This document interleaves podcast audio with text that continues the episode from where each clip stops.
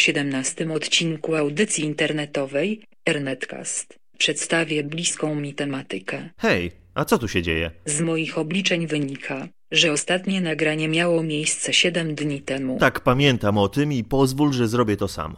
W czym mogę ci jeszcze pomóc? Właściwie to możesz. Wyłącz się.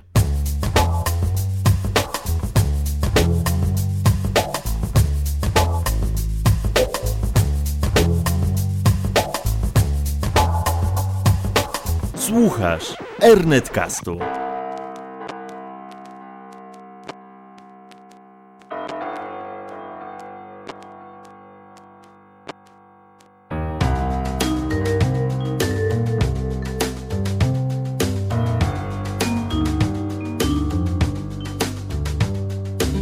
Za sprawą firmy Apple cały świat usłyszał o Siri. Inteligentnym asystencie głosowym i to z prawdziwego zdarzenia.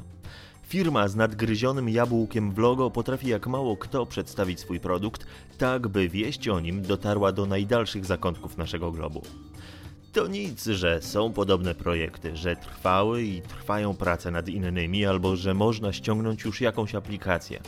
Z tymi wszystkimi zarzutami można się zgodzić, ale nikt przed tą firmą nie połączył tego narzędzia z telefonem, które wyciągamy z pudełka i działa bez dodatkowej konfiguracji. Choć wydawać by się mogło, że to błahy argument, to patrząc na historię, jaka miała miejsce wraz z premierą iPhone'a, to można podejrzewać, że za chwilę na rynku pojawią się kolejne klony tego pomysłu.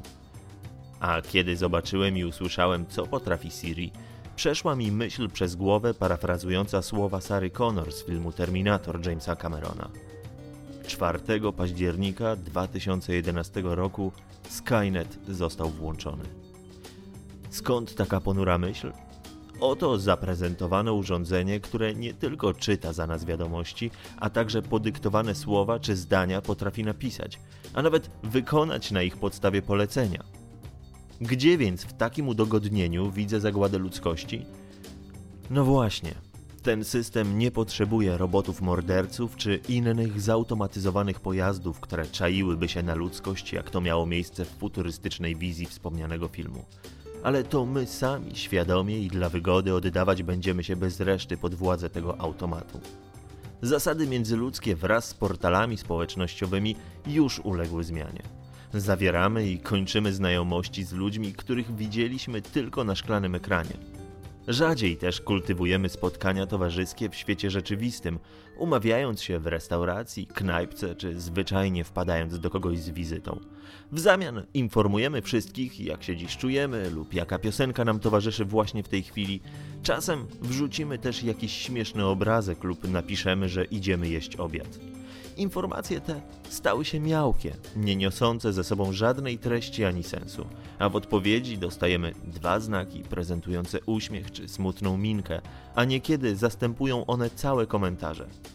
Innym razem w tym dziwnym pędzie pozostawiamy tylko kilka słów, które też są zdawkowe.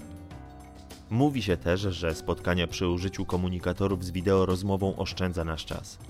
Tak, to prawda. Niekiedy też jest jedynym rozwiązaniem, kiedy dzielą nas duże odległości, a w niektórych sytuacjach daje nam namiastkę bliskości.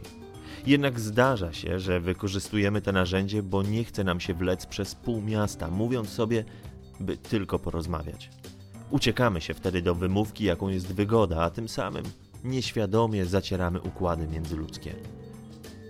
Czytanie książek coraz częściej pozostawiamy też lektorom. Wkładając słuchawki w uszy, złudnie przenosimy się w świat literatury, wykonując przy tym wiele innych zadań.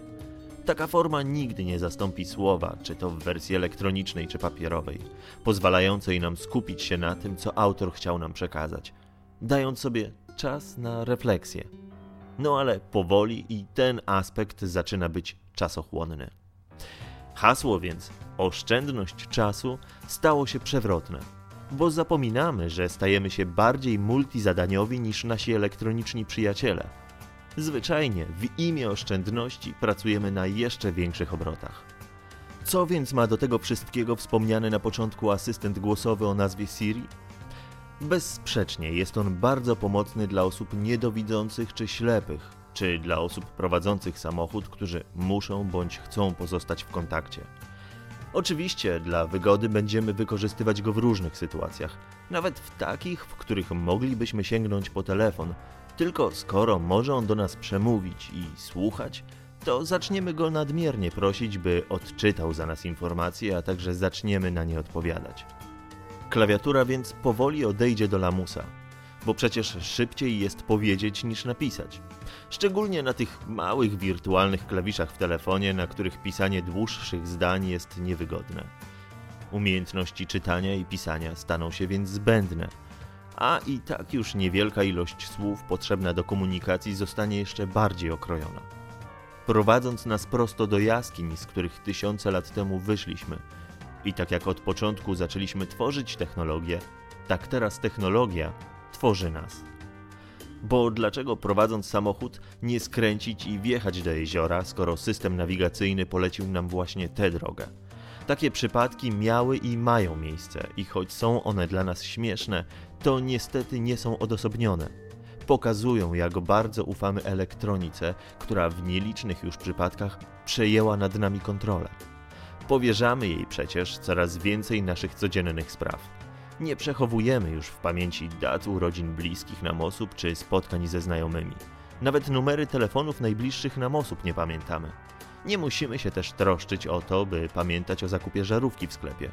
Wystarczy przecież w chwili, gdy się przepali, powiedzieć elektronicznemu przyjacielowi, żeby pamiętał o jej zakupie, gdy wejdziemy do sklepu. Mówimy w tej sytuacji, że nie zaśmiecamy sobie umysłu błahymi sprawami, ale jakie inne rzeczy mamy na głowie, skoro te podstawowe pilnuje już za nas komputer?